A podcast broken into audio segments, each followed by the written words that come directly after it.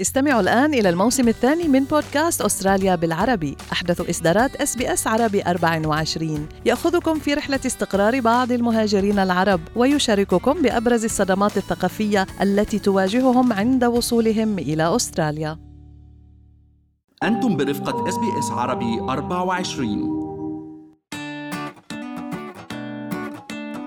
عندهم أولاد صغيرين ممكن يخربوا الحيطان وما شابه. لدرجة إن إحنا مثلا لو الإيجار كده 500 دولار في الأسبوع كنا نقول لهم هنديكم 550 مثلا عشان يقبلونا. بتصيري إنه بالآخر إنه you don't care بدك أي شيء بس عشان تسكني.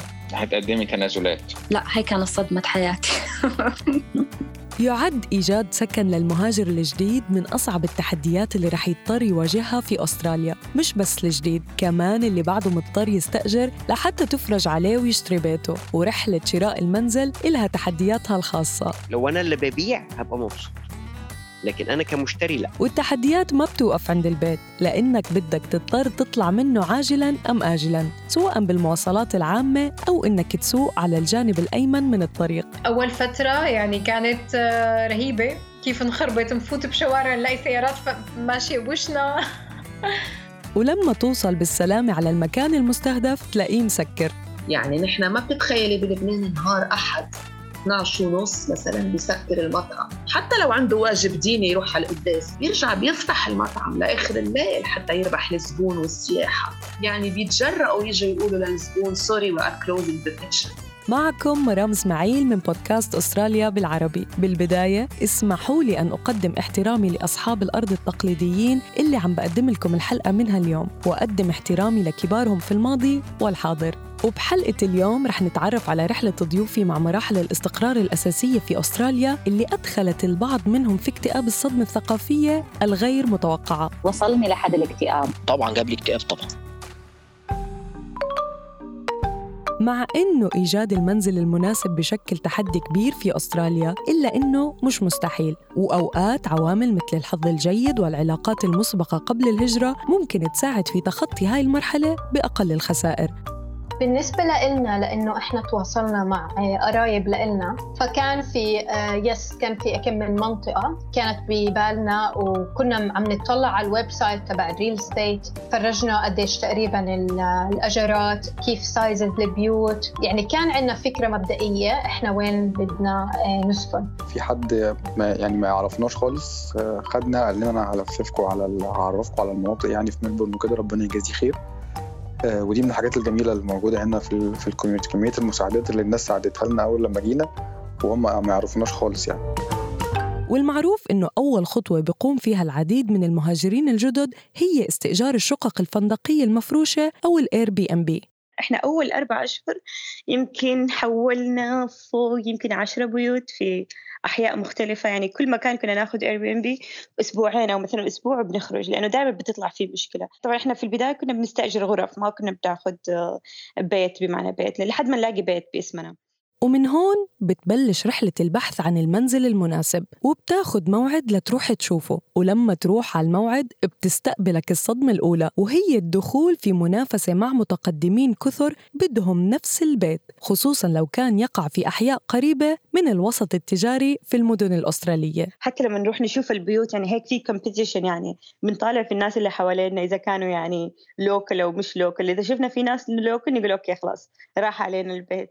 إذا شفنا لا كل الناس يعني طلاب وهيك يعني جدد يعني يقول أوكي في فرصة ناخذ البيت. الصدمة الثانية بتظهر لما يعجبك البيت وتقرر تقدم طلب استئجار. استمارة الطلب بشبهوها المهاجرين عامة في أستراليا بطلب التقدم لوظيفة ولكنه أصعب للبعض باختلاف حالتهم الاجتماعية. باختصار رح ينطلب من المستأجر المحتمل جميع أنواع الوثائق والأدلة المطلوبة لدعم الطلب اللي ما حتتوفر عنده كمهاجر وصل حديثا إلى أستراليا. أنتم ما عندكم reference بالبلد. يعني اللي بده يأجركم ما بيعرف أنتم آه حتحافظوا على البيت أنتم حتدفعوا على الوقت آه من كل هاي القصص يعني. فهو ما في إلنا record فالناس بلشت إلنا إنه مو البيت اللي أنتم ترضوا فيه البيت اللي يرضى فيكم شوي استصعبنا الموضوع. ما كان في عندهم ال rental history هذا.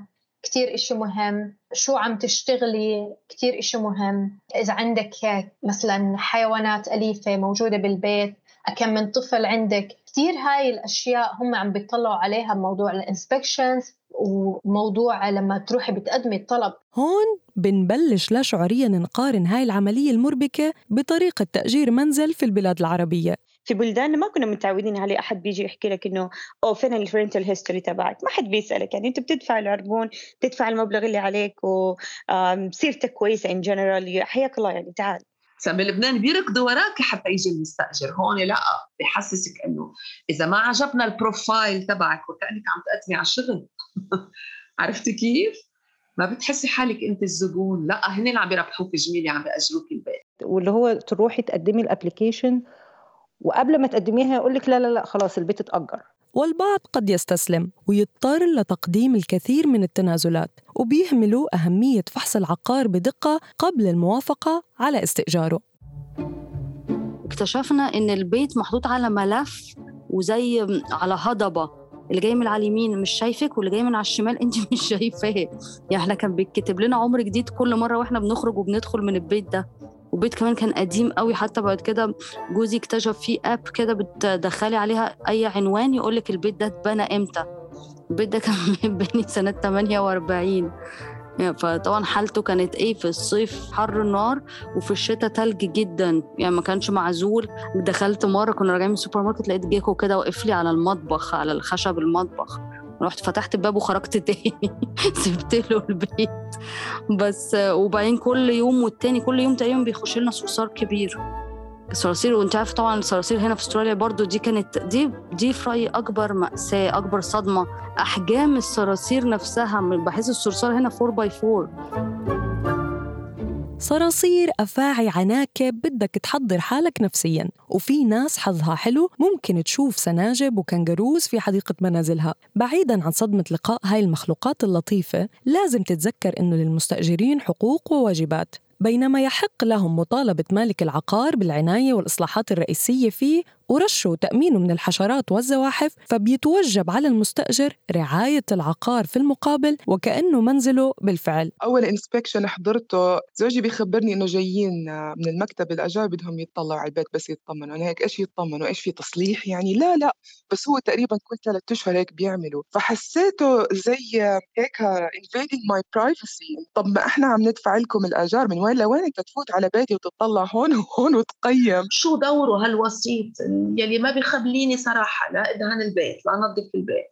بيجي بيعمل inspection كل ثلاث أشهر ما بفهم إذا بدي غير لمبة بحق لي أو ما بحق لي عرفتي؟ طيب بكفي كلام عن البيوت وتعال نطلع منها ومن سيرتها لنكتشف جمال أستراليا ومشاويرها. سواء كنت بدك تجيب أغراض أو طالع على الشغل أو الجامعة تقدم أستراليا العديد من وسائل النقل العامة لتوصلك. باصات ترامات قطارات قوارب دراجات إلى آخره.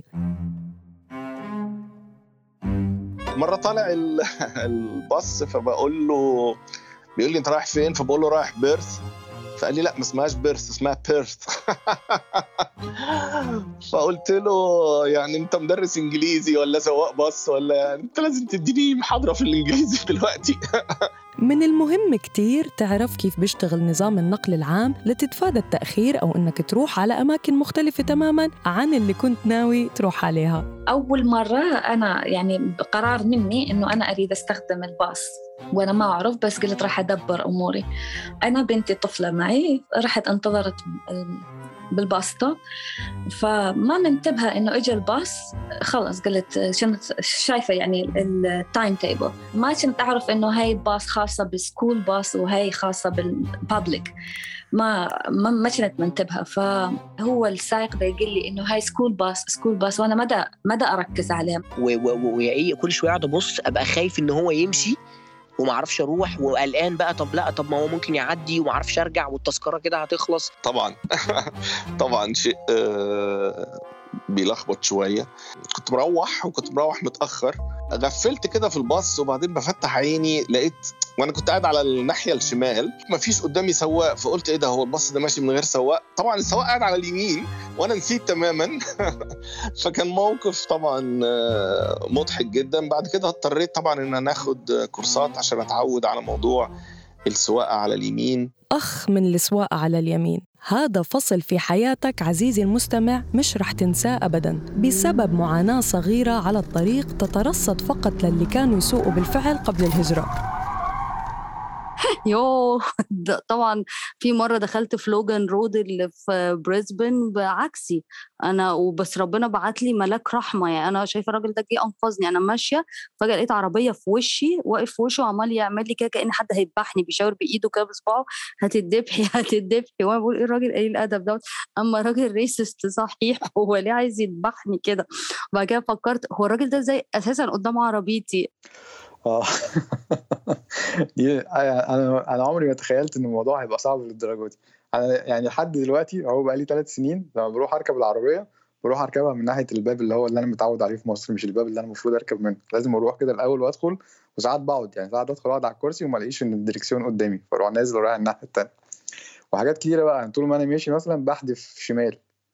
يعني العربية بتروح مني ناحية الشمال كده. واللي ما كانوا يسوقوا قبل الهجرة وتعلموا بأستراليا برضه بتلحقهم طرطوشة. بتبصي يمين الأول لو أنت معدية وبعد كده شمال وترجعي يمين تاني. عكس بقى في مصر شمال يمين شمال. فمرة كنا معديين الشارع فبصينا شمال. طريق فاضي مفيش عربيات جاية وبنعدي. لقينا لقينا صاحب جوزي بيشدنا من قفانا إحنا أكيد مع كتر طلعاتك من البيت ما حتقدر تتجاهل الشوارع الفاضية وساعات الإغلاق المبكرة للأماكن التجارية في أستراليا.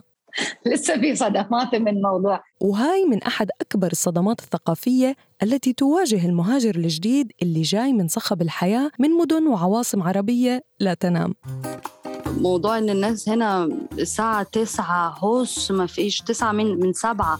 وبعدين بيجوا بقى في ال weekend بقى الشقاوة وبتاع والسهر فبيقفلوا من ستة. يعني أنا مش فاهماهم. أنا أول مرة أشوف بلد لما تيجي في ال weekend تروح قافلة بدري. دي أنا خلاص يعني اللي هو إيه خلاص هننبسط أما ننزل مصر بقى إن شاء الله. مفيش خروجات هنا. بس ساعات انت بتحتاجي تشتري حاجات بالليل. هي دي المشكلة. يعني أنا ال lifestyle بتاعي طبيعي إن أنا أصلا كده كده بدري بدري. بس المشكلة لما بتحتاجي تعملي حاجة يعني فكرة مثلا إن مفيش صيدليات فاتحة بالليل يعني دي دي حاجة بالنسبة لي شيء لا يصدقه عقلي يعني في مصر الصيدلية بتبقى فاتحة 24 ساعة سبعة أيام في الأسبوع حاجة يعني حاجة من الأساسيات يعني.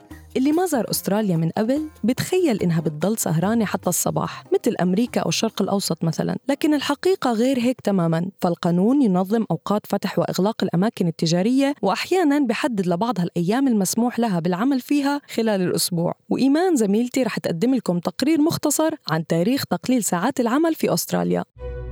في الحادي والعشرين من أبريل نيسان من عام 1856 قام عمال البناء بترك العمل والاحتجاج من أجل تخفيض ساعات عملهم الطويلة. وهذا دفع موظفي قطاع التجزئة للمطالبة بتقليل ساعات عملهم أيضا من أجل تحسين نوعية حياتهم. وبعد عقود من الزمن أثمرت جهودهم بتحقيق مطالبهم بالفعل. لتقوم أستراليا في عام 1981 بإدخال نظام الخمسة أيام عمل لجميع الموظفين بدوام 38 ساعة في الأسبوع فقط. وكانت تلك الحادثة أول انتصار من سلسلة انتصارات صعبة أدت إلى تحويل أستراليا إلى واحدة من أكثر بيئات العمل تقدما في العالم بحلول أوائل القرن العشرين.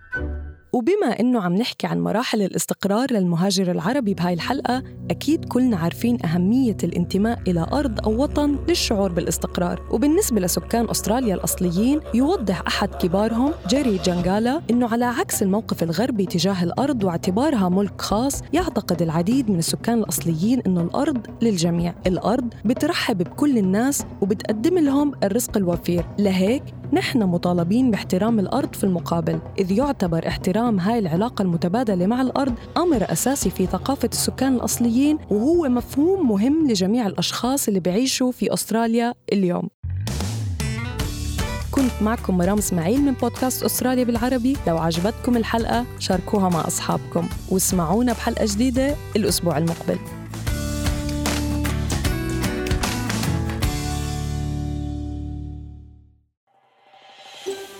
هل تريدون الاستماع إلى المزيد من هذه القصص؟